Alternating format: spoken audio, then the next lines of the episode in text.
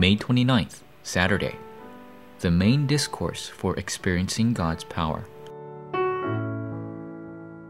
Acts chapter 1 verses 12 through 14. They all joined together constantly in prayer, along with women and Mary the mother of Jesus and with his brothers. Even now, Satan seeks to destroy individuals, churches, and nations by forming organizations. If we are unaware of this spiritual truth, we will have no choice but to be fooled. The early church knew this spiritual truth and firmly held to the covenant of Christ. They always gave thanks and were able to stand firmly as the witnesses of world evangelization because they understood the filling of the Holy Spirit. It is at this time that the organizations of darkness are broken down and world evangelization is brought to fulfillment. From today's scripture reading, what is the covenant that we must hold on to? Number one, the word of the gospel. The early church didn't do Bible study. They discovered the essence of the gospel with God's word.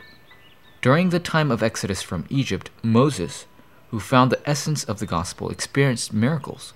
In addition, light was shown through Isaiah, who held to this covenant, and God's wondrous works took place through Paul and Luther. God's word must be embedded in our heart just like a firmly embedded nails. Satan constantly tries to drive other nails into our heart, but if we have the nail of God's word firmly embedded in our heart with the mystery of Christ, the forces of darkness will be bound, and all the answers will hang on it. Number two, then how must we begin and make progress? Great works will take place if we hold to the covenant of Christ and pray 24 hours a day. Joseph is a witness of this. God's works took place through Joseph, who continually prayed even as a slave and the works of the exodus from Egypt took place through Moses, who prayed 24 hours, holding to the consuming passion he had for 80 years.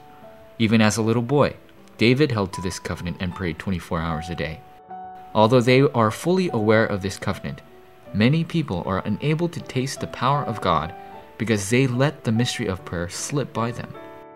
If we turn to God with our hearts and begin to pray, we will experience important answers from God's kingdom coming upon us.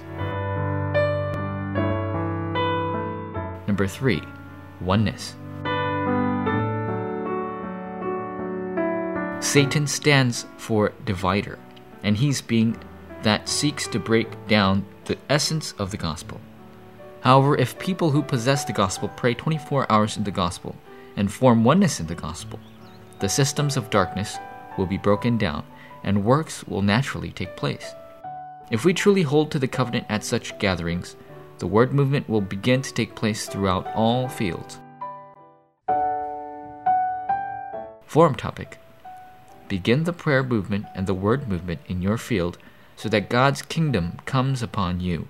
If two or three people who possess the spiritual mystery gather together and pray, the forces of darkness will be bound.